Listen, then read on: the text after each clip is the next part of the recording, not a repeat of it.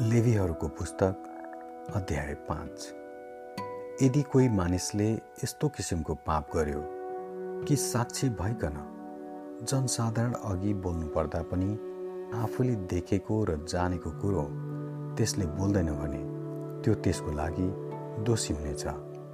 कसैले कुनै अशुद्ध कुरो अर्थात् अशुद्ध वन पशु कि पाल्तु पशु कि अशुद्ध खस्रने जन्तुको सिनु छोयो भने त्यो कुरो त्यसलाई थाहा नभए तापनि त्यो अशुद्ध भएको हुन्छ र दोषी ठहरिनेछ त्यसले मानिसको अशुद्धि वा अशुद्ध बनाउने कुनै कुरा छोयो भने त्यो कुरा त्यसलाई थाहा नभए तापनि त्यो दो दोषी ठहरिनेछ। कसैले विचार नगरी कुनै असल वा खराब कुरा गर्न मुखले शपथ खायो भने जुनसुकै कुरामा मानिसले सोच विचार नगरी शपथ खान्छ त्यसबाट त्यो कुरो छिपे तापनि त्यसले त्यो थाहा पाएपछि त्यसको कुरामा त्यो दोषी ठहरिनेछ। जब कुनै मानिस त्यस्ता कुरामध्ये एउटामा दोषी ठहरिन्छ तब आफूले गरेको पाप त्यसले स्वीकार गर्नुपर्छ।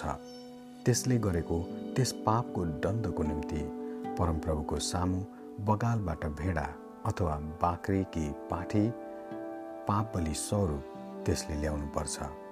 पुजारीले त्यसको पापको लागि प्राश्चित गर्नेछन्। पाठी ल्याउने त्यसको औकात पुग्दैन भने त्यसले आफूले गरेको त्यस पापको दण्डको निम्ति दुईवटा ढुकुर कि परेवाका दुईवटा बचेरा परमप्रभु कहाँ ल्याओस्। एउटा पाप बलि र अर्को होम बलिको निम्ति त्यसले पुजारीहरू कहाँ ती ल्याओस्। तिनले एउटा चाहिँ पाप बलिको निम्ति पहिले चढाउनेछन्।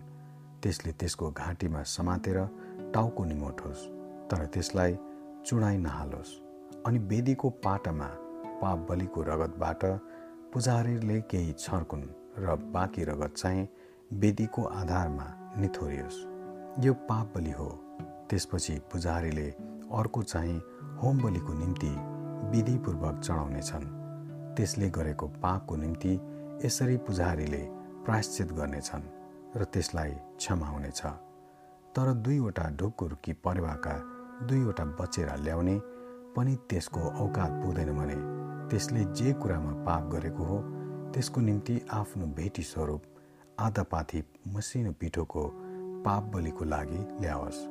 त्यसले त्यसमा तेल वा धुप राख्नु हुँदैन किनभने यो पाप बलि हो। त्यसले त्यो पुजारी कहाँ ल्याओस्?